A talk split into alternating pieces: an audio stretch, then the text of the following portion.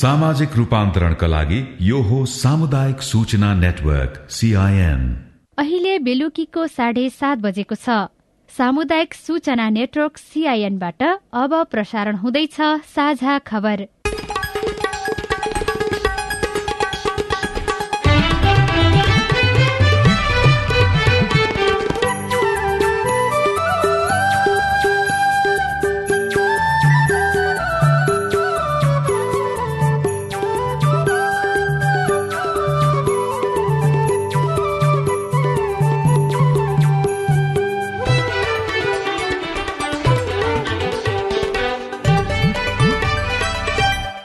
सीआईएनको साझा खबरबाट दीपक आचार्यको नमस्कार। साझा खबर देशभरिका सामुदायिक रेडियो सीआईएन खबर डट कम सीआईएनको फेसबुक पेज र मोबाइल एप सीआईएनबाट पनि सुन्न सकिन्छ।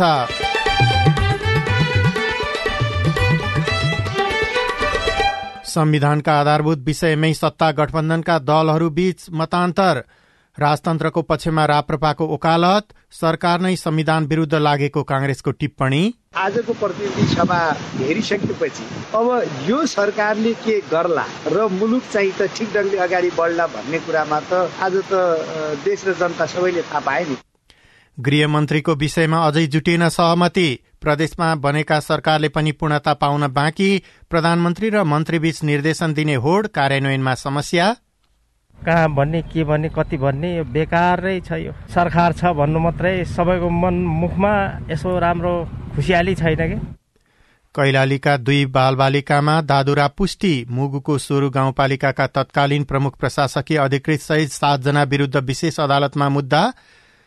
नेपालमा भ्रष्टाचार नगर्नुमा राज्यको माथिल्लो संरचना नै बढ़ी जिम्मेवार।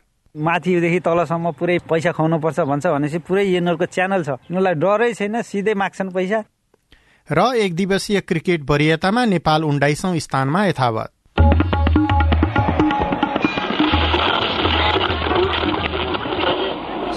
रेडियो। हजारौं रेडियो कर्मी र करोड़ौं नेपालीको माझमा यो हो सामुदायिक सूचना नेटवर्क सीआईएन अहिलेको सरकारमा फरक फरक दल मात्र होइन विचारमा पनि विविधता रहेका दलहरू सहभागी छन्। कोही गणतन्त्रवादी कोही राजावादी कोही संहिता पक्षधर त कोही संहिता विरोधी दल। यसो हुँदा विचारमा फरकपना आउनु स्वाभाविक हो तर संविधान विरूद्ध नै अभिव्यक्ति दिनु भने गलत हो। संविधान कार्यान्वयन गर्ने जिम्मेवारीमा रहेर सरकार र मन्त्री पद लिएका र संविधान विरूद्ध बोलेकाहरूबीच गलत अभिव्यक्तिको समीक्षा हुनुपर्दछ र त्यसमा सुधार हुनु आवश्यक छ। अब खबर सुविता रिसालबाट। राज्यका आधारभूत मान्यताका पक्ष र विपक्षमा सत्तापक्षका सांसदहरूबीच नै वाद विवाद भएको छ। प्रतिनिधि सभाको आजको बैठकमा सत्तारूढ़ दलका सांसदहरू बीचमा नै गणतन्त्र र धर्मनिरपेक्षताका पक्ष र विपक्षमा विवाद भयो। बैठकमा नेकपा एमालेका नेता रघुजी पन्तले संविधान बमोजिम शपथ लिएका मन्त्रीले संविधानको भावना विपरीत बोल्न नहुने बताउनुभयो। प्रधानमन्त्रीले संघीयता विरूद्ध बोल्ने मन्त्रीलाई स्पष्टीकरण सोध्छु भनेको भोलिपल्ट मन्त्रीहरूले संघीयता रहनु हुँदैन भनेर बोले बोलेको भन्दै सांसद पन्तले त्यसो भन्ने मन्त्रीलाई प्रधानमन्त्रीले अहिलेसम्म स्पष्टीकरण समेत नसोधेको बताउनुभयो। त्यसैले म यो संविधानको आधारभूत मान्यता विरुद्ध नजान सरकारका मन्त्रीज्यूहरूको ध्यान आकर्षण गराउन चाहन्छु। हाम्रो यो सरकारको बारेमा हाम्रो संविधानले के भन्छ? मन्त्री परिषदको बारेमा के भन्छ? संविधानको धारा पचहत्तरमा नेपालको कार्यकारिणी अधिकार यो संविधान र कानून बमोजिम मन्त्री परिषदमा निहित हुनेछ। दुई यो संविधान र कानूनको अधीनमा रही नेपालको शासन व्यवस्थाको सामान्य निर्देशन र सञ्चालन गर्ने अभिभार मन्त्री परिषदमा रहनेछ। अर्थात् यो संविधान र कानूनको अधीनमा रहेर मन्त्रीहरूले आफ्नो गतिविधिलाई आफ्नो अभिव्यक्तिहरूलाई अगाडि बढाउनु पर्दछ।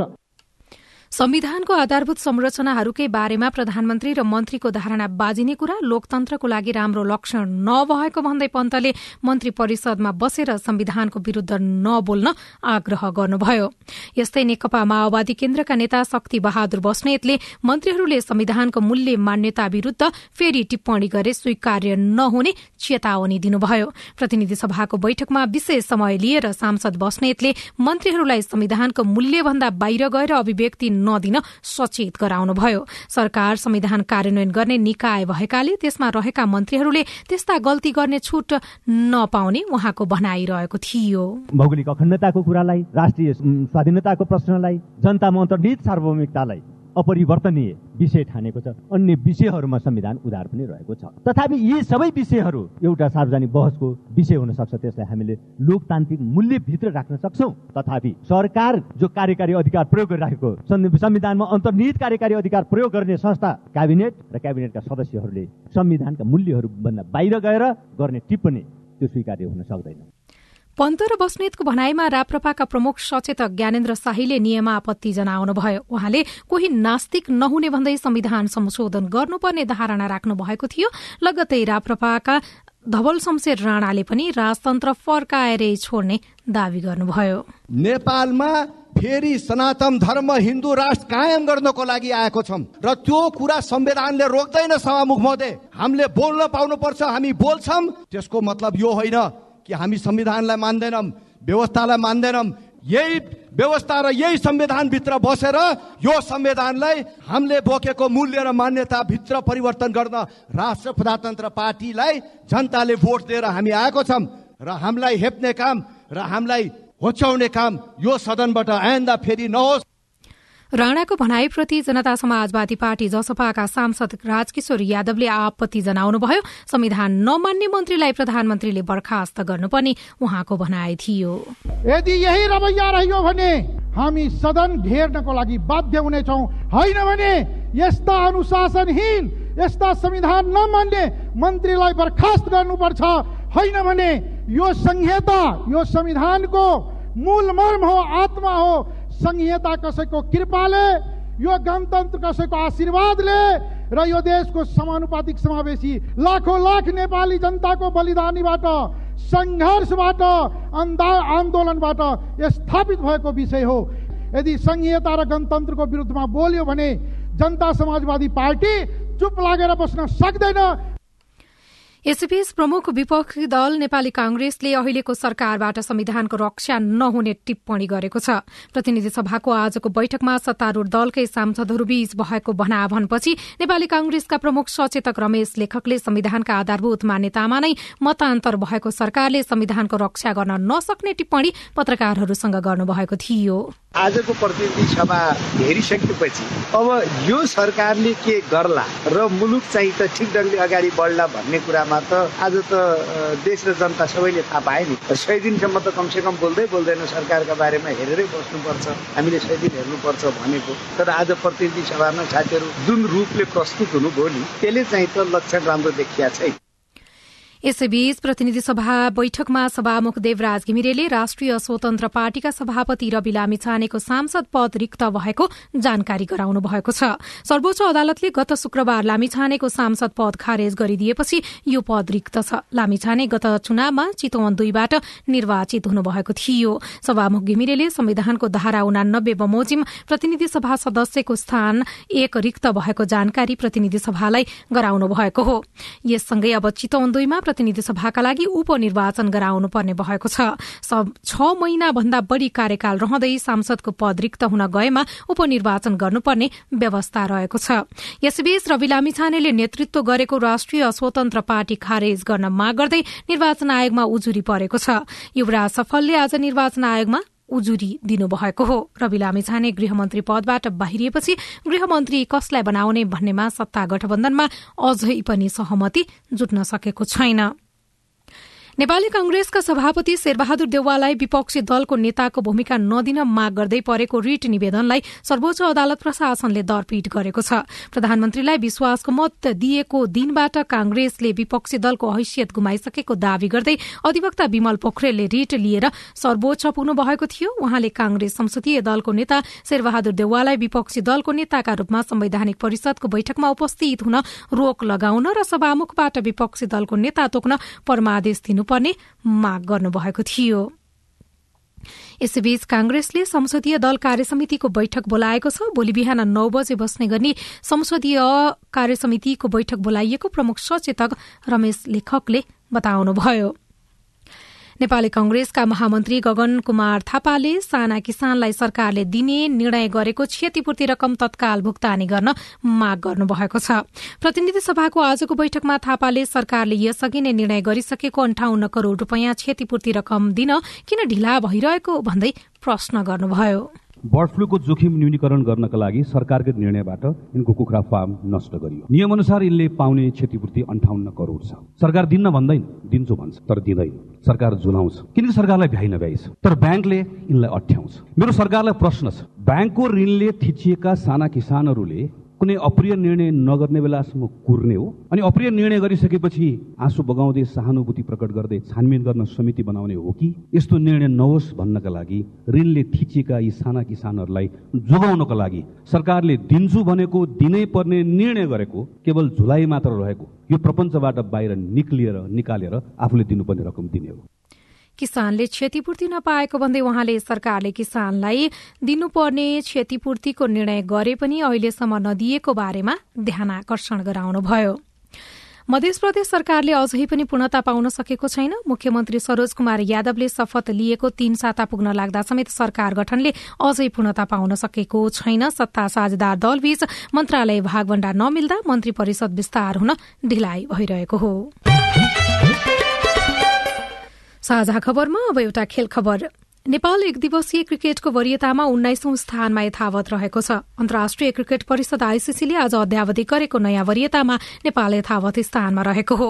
यस्तै कप्तान रोहित कुमार पौडेल ब्याटरको एकासीौं स्थानमा र सन्दीप लामिछानेले बलरको छयालिसौं स्थानमा यथावत हुनुहुन्छ। ब्याटिङतर्फ पाकिस्तानका कप्तान बाबर आजम शीर्ष स्थानमा रहँदा बलिङतर्फ भने भारतका मोहम्मद सिराफ शीर्ष स्थानमा रहनु भएको छ।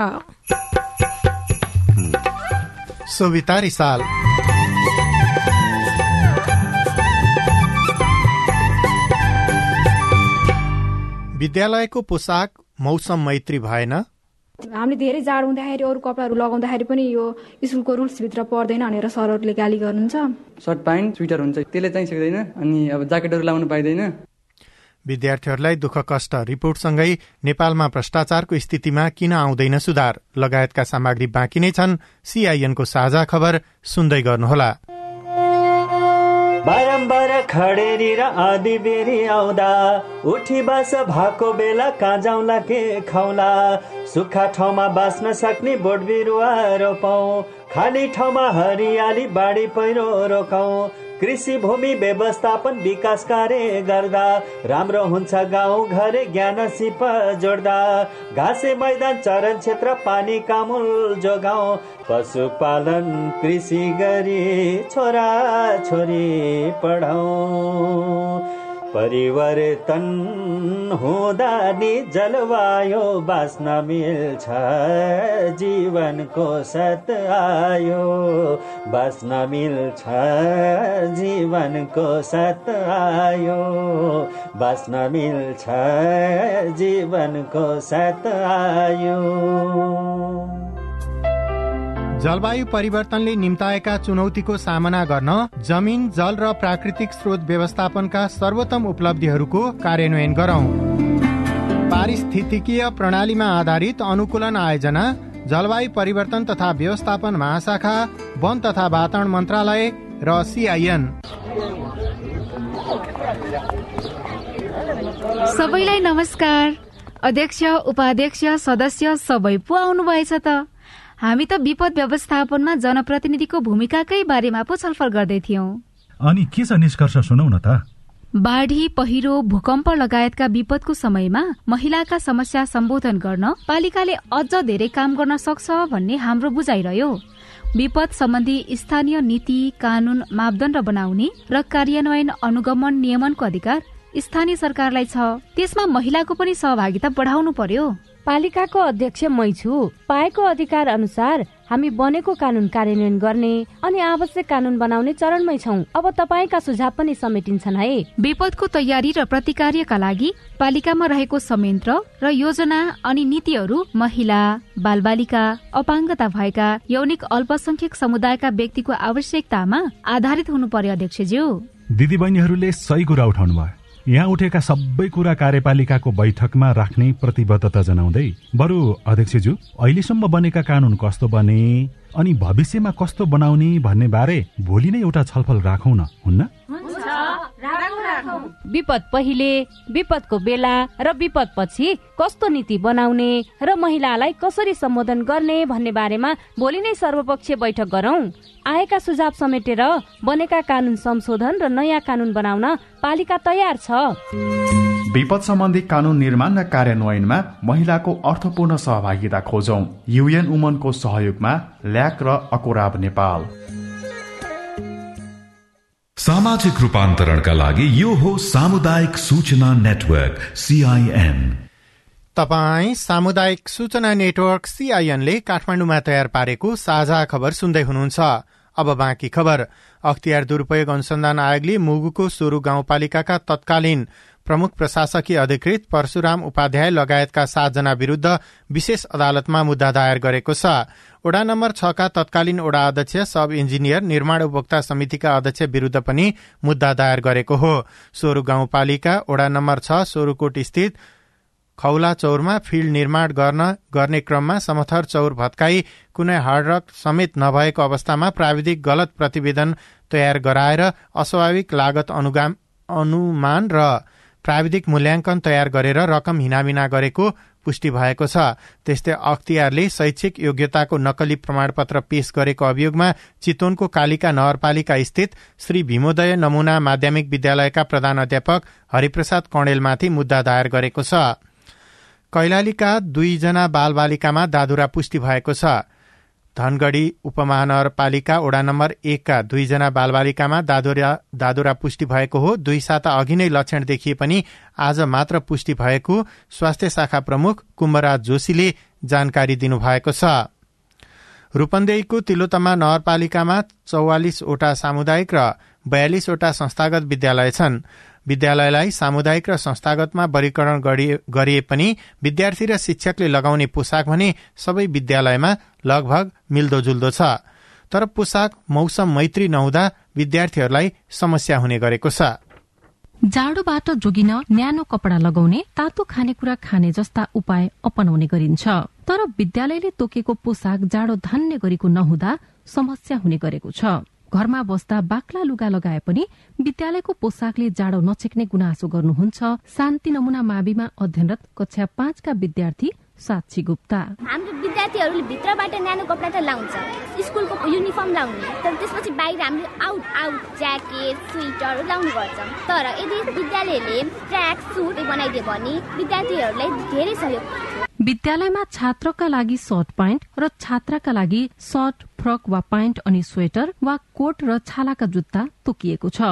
तर चिसो धेरै भएका बेला बाक्लो ज्याकेट र कपडाको जुत्ता लगाउन नपाउँदा गाह्रो हुने गरेको न्युलाइट उच्च मावि कक्षा एघारका विद्यार्थी आस्था गिरी र राममणी बहुमुखी क्याम्पस कक्षा बाह्रका विद्यार्थी सुन्दर बस्यालको अनुभव छ। स्कुलको युनिफर्मले त जाडो सेक्दैन किनभने अब हामीले तल स्कर्ट लगाएको हुन्छ माथि सर्ट हुन्छ अनि स्कर्ट भित्र चाहिँ हावा राम्रोसँग चाहिँ छेकेको हुन्न होइन अब लङ सक्स लगाइन्छ अनि स्कर्ट लगाइन्छ। हामीले धेरै जाडो हुँदाखेरि अरू कपडाहरू लगाउँदाखेरि पनि यो स्कुलको रुल्स भित्र पर्दैन भनेर सरहरूले गाली गर्नुहुन्छ। सर्ट प्यान्ट स्वेटर हुन्छ अनि कोट त्यसले चाहिँ सक्दैन। किनकि अब कोट पनि त्यस्तै अनुसारको हुन्छ अनि अब ज्याकेटहरू लाउनु पाइँदैन। विद्यार्थीका लागि मात्र होइन शिक्षकका लागि तोकिएको पोसाक समेत मौसम मैत्री नभएको गुनासो छ।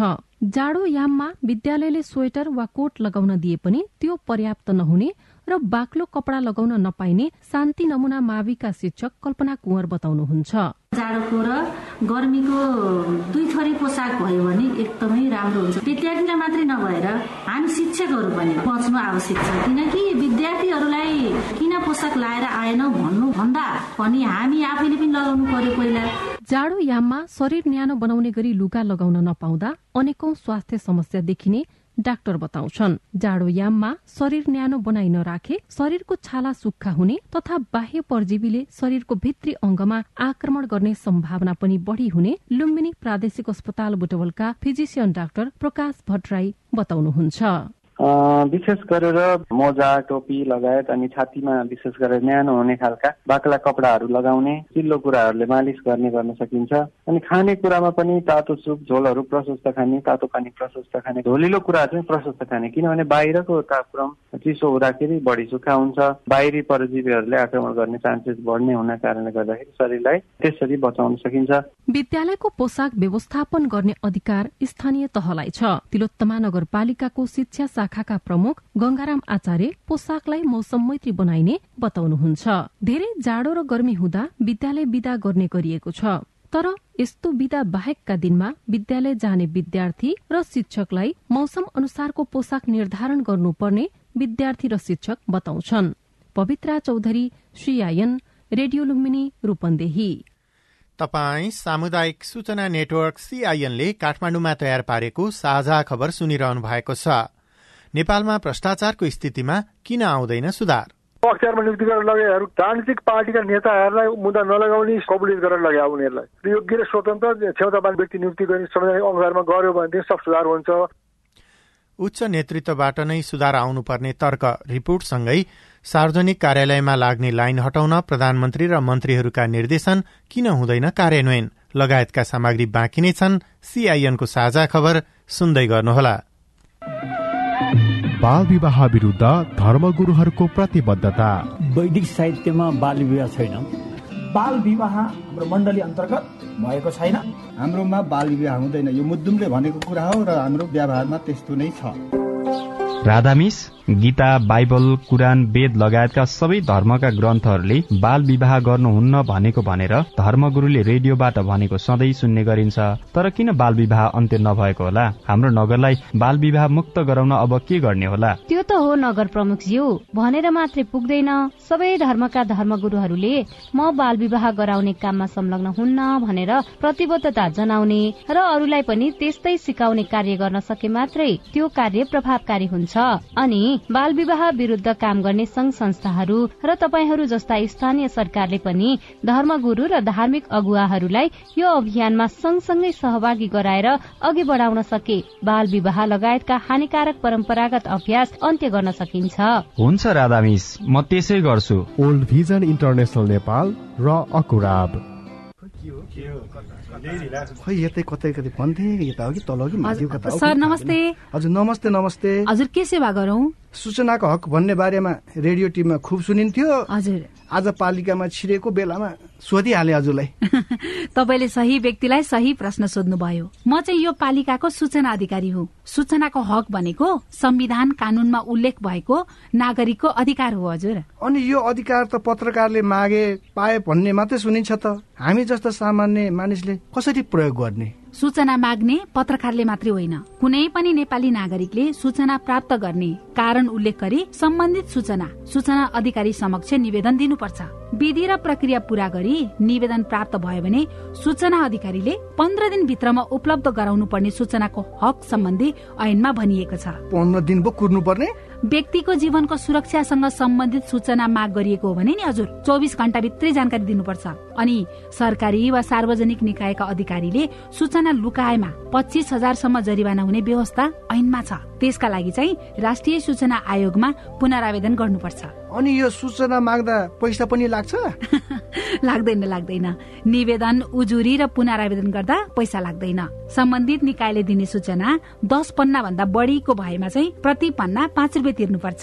ल कुरो बुझ्यो। अब भोलि नै म पनि सूचना माग्न आउँछु। हस् हस्। अस्ट्रेलिया सरकार र द एसिया फाउन्डेसनको साझेदारीमा सञ्चालित स्थानीय सरकार सबलीकरण कार्यक्रम र अकोराब नेपाल। सामाजिक रूपान्तरणका लागि यो हो सामुदायिक सूचना नेटवर्क सीआईएन तपाई सामुदायिक सूचना नेटवर्क सीआईएनले काठमाडौँमा तयार पारेको साझा खबर सुन्दै हुनुहुन्छ। भ्रष्टाचार अवधारणा सूचकांकको प्रतिवेदन अनुसार दुई हजार एक्काइसमा तेत्तीस अंक पाएर एक सय सत्रौं स्थानमा रहेको नेपाल एक वर्षपछि अर्थात सन् दुई हजार बाइसमा चौतिस अंक सहित एक सय दशौं स्थानमा आइपुग्यो। गत वर्षको तुलनामा नेपालले यसपटक अंकमा झिनो सुधार गरे पनि भ्रष्टाचार भने स्थिर रहेको छ। नेपालमा भ्रष्टाचारको स्थितिमा किन सुधार आउन सकेन?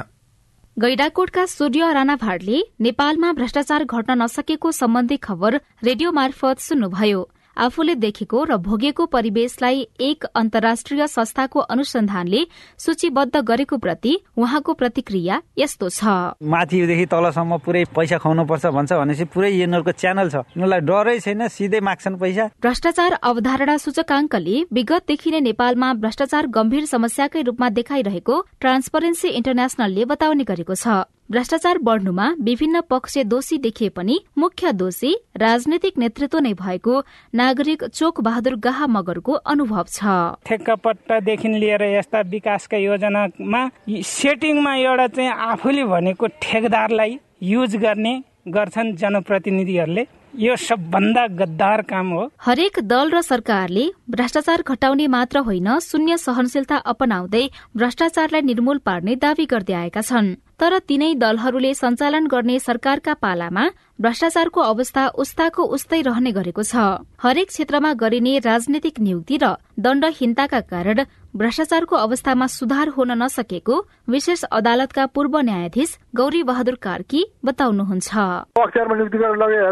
राजनीतिक पार्टीका नेताहरूलाई मुद्दा नलगाउने कबुलियत गरेर लगे उनीहरूलाई। योग्य र स्वतन्त्र क्षमतावान व्यक्ति नियुक्ति गर्ने संवैधानिक अनुसारमा गर्यो भनेदेखि सब सुधार हुन्छ।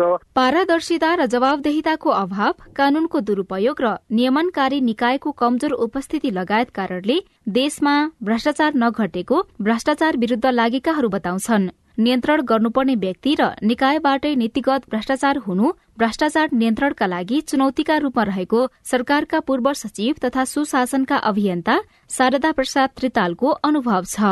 भ्रष्टाचार निवारण गर्ने संस्थाहरूलाई कमजोर बनाइएको छ। यस्ता विभिन्न कारणहरूले गर्दाखेरि स्थिति भयावह हुँदै गएको सूचकाङ्कमा सार्वजनिक पदको दुरूपयोग राजनीतिक भ्रष्टाचार न्यायालय संसद र सुरक्षा निकायका पदाधिकारी प्रतिनिधिले गरेको पदको दुरूपयोगमा नेपालले सबैभन्दा कम तीस नम्बर पाएको छ। चुनावमा पैसा लिएर टिकट दिने चुनाव जित्न करोड़ौं रकम खर्च गर्ने विभिन्न नियुक्तिमा आर्थिक चलखेल हुने जस्ता विषय पटक पटक उठे पनि यी विषय त्यसै सेलाउने गरेका छन्। ट्रान्सपरेन्सी इन्टरनेशनल नेपालका पूर्व अध्यक्ष खेमराज रेग्मी राजनैतिक नेतृत्व नसुध्रदासम्म यस्तो अवस्था कायमै रहने बताउनुहुन्छ। वास्तवमा अख्तियार दुरुपयोग अनुसन्धान आयोगले निष्पक्ष रूपमा छानबिन गर्ने अनुसन्धान गर्ने हो भने कैयौं चाहिँ राजनीतिक नेतृत्व तह पनि कारवाहीमा पर्न सक्छन्। भ्रष्टाचार समाज र शासनसँग प्रत्यक्ष जोडिएको विषय हो। गर्नुपर्ने काम नगर्ने र नगर्नुपर्ने काम गर्ने परिपाटीको अन्त्य राज्य सञ्चालनको उपल्लो तहबाटै शुरू गर्नुपर्ने देखिन्छ। भनिन्छ भ्रष्टाचार र भर्याङ माथिबाट काठमाडौँ। नयाँ सरकार बने लगत्तै प्रधानमन्त्रीदेखि मन्त्रीसम्मलाई अनुगमन र निर्देशनको भ्याइ नभई छ। अहिले कहिले लाइन बस्नु नपर्ने व्यवस्था गर्न त कहिले सड़कमा खाल्डाखुल्डी पूर्ण अनि कहिले शौचालय सफा गर्न त कहिले घुस नखान प्रधानमन्त्री र मन्त्रीका निर्देशनहरू आएको आएछन्। तर ती निर्देशनको कार्यान्वयन भने हुन सकेको छैन। आज मध्याह बाह्र बजिसकेको थियो। त्रिपुरेश्वर स्थित राहदानी विभागको तीन नम्बर गेटको ठिक बाहिर लमजुङका प्रकाश परियार भेटिनुभयो। श्रीमतीको राहदानी बनाउन बिहान आठ बजेदेखि लाइनमा बस्नुभएका उहाँलाई श्रीमतीले पालो दिएपछि भर्खरै मात्र पानी खाने फुर्सद मिल्यो। इमर्जेन्सीमा निकाल्ने भनेको तिन दिन त्यो नम्बर निकाल्न तिन दिन दियो छ दिन भनेको आज छ सात दिनै भइसक्यो बढी भइसक्यो। सरकारी कार्यालयमा सेवा लिन लामो लाइन बस्नुपर्ने अवस्था पन्ध्र दिनभित्र अन्त्य गर्न प्रधानमन्त्रीले निर्देशन दिएको भोलि ठिक एक महिना पुग्दैछ। राहदानी विभागको गेटैमा नाङ्लोमा सामान बेच्ने मैया आले मगर विभागमा लाग्ने लाइन बिसको उन्नाइस नभएको बताउनुहुन्छ। बिहान पाँच बजीदेखि लाइन लाग्छ नि मान्छेहरू त। चिया बेच्ने मान्छेहरू पाँच बजीदेखि आउँछ यहाँ। कहिले त हजुरको त दोहोरो लाइन बस्छ तिन लाइन बस्छ यहाँ। अब यताबाट तिन लाइन उता पासपोर्ट लिने उता त्रिपुरेश्वरबाट एक लाइन। चार लाइन भन्नु स्वास्थ्य तथा जनसङ्ख्या मन्त्री पदम गिरीले पद बहाली गरेकै दिन अनुगमन गरेर तत्कालै सफा गर्न निर्देशन दिएको कान्ति बाल अस्पतालको शौचालय भने केही फरक भएको छ। तर नेपालकै ठूलो र जेठो वीर अस्पतालको शौचालयमा पुग्दा सफाईका लागि मन्त्रीकै निर्देशन पर्खिरहेको जस्तो देखिन्छ। अलिकति म्यान पावर युज गरेर यसलाई क्लिनिङमा चाहिँ विशेष ध्यान किन हाइजेनिक पनि हुनु पर्यो होइन हस्पिटल मिडल क्लास फ्यामिली सबै यहीँ नै आउने हो कि? तिनीहरूको अब स्वास्थ्यको मध्यनजर गरेर पनि गर्नुपर्छ जस्तो लाग्छ मलाई। दिनहुँ निर्देशन दिन व्यस्त संस्कृति पर्यटन तथा नागरिक उड्डयन मन्त्री सुदन किराँतीको निर्देशन अनुसारका सुधार पनि देखिएका छैनन्। उपप्रधान तथा भौतिक पूर्वाधार मन्त्री नारायण काजी श्रेष्ठले सड़कका खाल्डा तत्काल पूर्ण दिएको निर्देशनले पनि उहाँलाई नै गिज्याइरहेको जस्तो देखिन्छ। काठमाडौँका ट्याक्सी चालक अग्निमा शेर्पा। कहाँ भन्ने के भन्ने कति भन्ने यो बेकारै छ यो। पाँच छ महिनामै नयाँ गाडी ल्यायो भने उही पुरानो जस्तै हुन्छ। बाटोले गर्दा? बाटोले गर्दा खर्च यति आउँछ गाडीमा यति आउँछ खर्च। सरकार छ भन्नु मात्रै सबैको मन मुखमा यसो राम्रो खुसियाली छैन कि? नयाँ प्रधानमन्त्री र मन्त्रीसँगै आउने निर्देशनको चाङलाई सस्तो लोकप्रियताका रूपमा पनि लिने गरिएको छ। नीतिगत सुधारको साटो मन्त्रीहरू ठाडो आदेश र निर्देशनमा रमाउँदा कर्मचारी तन्त्रलाई त्यसको पालना गर्ने जाँगर चलेको देखिँदैन। कतिपय निर्देशन पालना गरिहाल्न सकिने खालका पनि नहुनेछन्। भौतिक पूर्वाधार तथा यातायात मन्त्रालयका सहसचिव शिव प्रसाद नेपाल निर्देशनले परिवर्तन भइ नहाल्ने बताउनुहुन्छ। सुशासन भनेको त त्यो मौखिक आदेशबाट चल्ने व्यवस्थै होइन नि। हामीले चाहेको हेरेको देखेको बुझेको त। यो त होइन भन्ने लाग्यो। आम जनगुनासो छ। जनताको चाहना पनि त्यही हो। हामीले गर्न खोजेको पनि त्यही हो। तर त्यसलाई अहिलेको कानुनी टुलले सपोर्ट गरिदिनु पर्यो। प्रशासनविद काशीराज दाहाल राजनैतिक नेतृत्व र प्रशासनिक अधिकारी बीच समन्वय नहुँदा कस्ता विषयमा निर्देशन दिने र त्यस्ता निर्देशनको कसरी पालना गर्ने भन्ने विषयमा अन्यल हुने गरेको बताउनुहुन्छ। जवाबदेताको संस्कृतिमा क्षयीकरण भइरहेछ। दण्डहीनता बढेको कारणले कार्यान्वयन नभएको हो। त्यसैले जवाबदेताको संस्कृतिको विकास हुनुपर्छ दण्डहीनताको अन्त्य भयो भनेदेखि चाहिँ कार्यान्वयन हुन्छ। निर्देशन पनि परिपक्व निर्देशन दिने त्यो निर्देशन कार्यान्वयन हुनुपर्छ कार्यान्वयन भएन भने सम्बन्धित जिम्मेवार पदाधिकारीलाई कारवाही गर्ने तत्परता भयो भने त्यो इच्छा शक्ति भयो भने कार्यान्वयन हुन्छ। प्रधानमन्त्री र मन्त्रीहरूका निर्देशन कार्यान्वयन नहुँदा राजनैतिक दल र सरकार प्रति नै वितृष्णा बढ्ने विज्ञहरू बताउँछन्। अविनाश आचार्य सीआईएन काठमाडौँ। संघीय गणतन्त्रकै विषयमा सांसदहरूबीच संसदमा वाद विवाद भएको छ। सांसदहरूले मन्त्रीहरूलाई संविधानको मूल्य मान्यता बाहिर गएर अभिव्यक्ति नदिन सचेत गराएका छन् भने राप्रपाका सांसदहरूले धर्मनिरपेक्षताको बारेमा बहस गर्न पाउनुपर्ने बताएका छन् र नेपाल एक दिवसीय क्रिकेटको वरियतामा उन्नाइसौं स्थानमा यथावत रहेको छ। अवस्था आजलाई साझा खबरको समय सकियो। प्राविधिक साथी सुभाष पन्तलाई धन्यवाद। भोलि माघ उन्नाइस गते बिहान छ बजेको साझा खबरमा फेरि भेटौँला। अहिलेलाई दीपक आचार्य पनि विदा हुन्छु। नमस्कार शुभरात्री।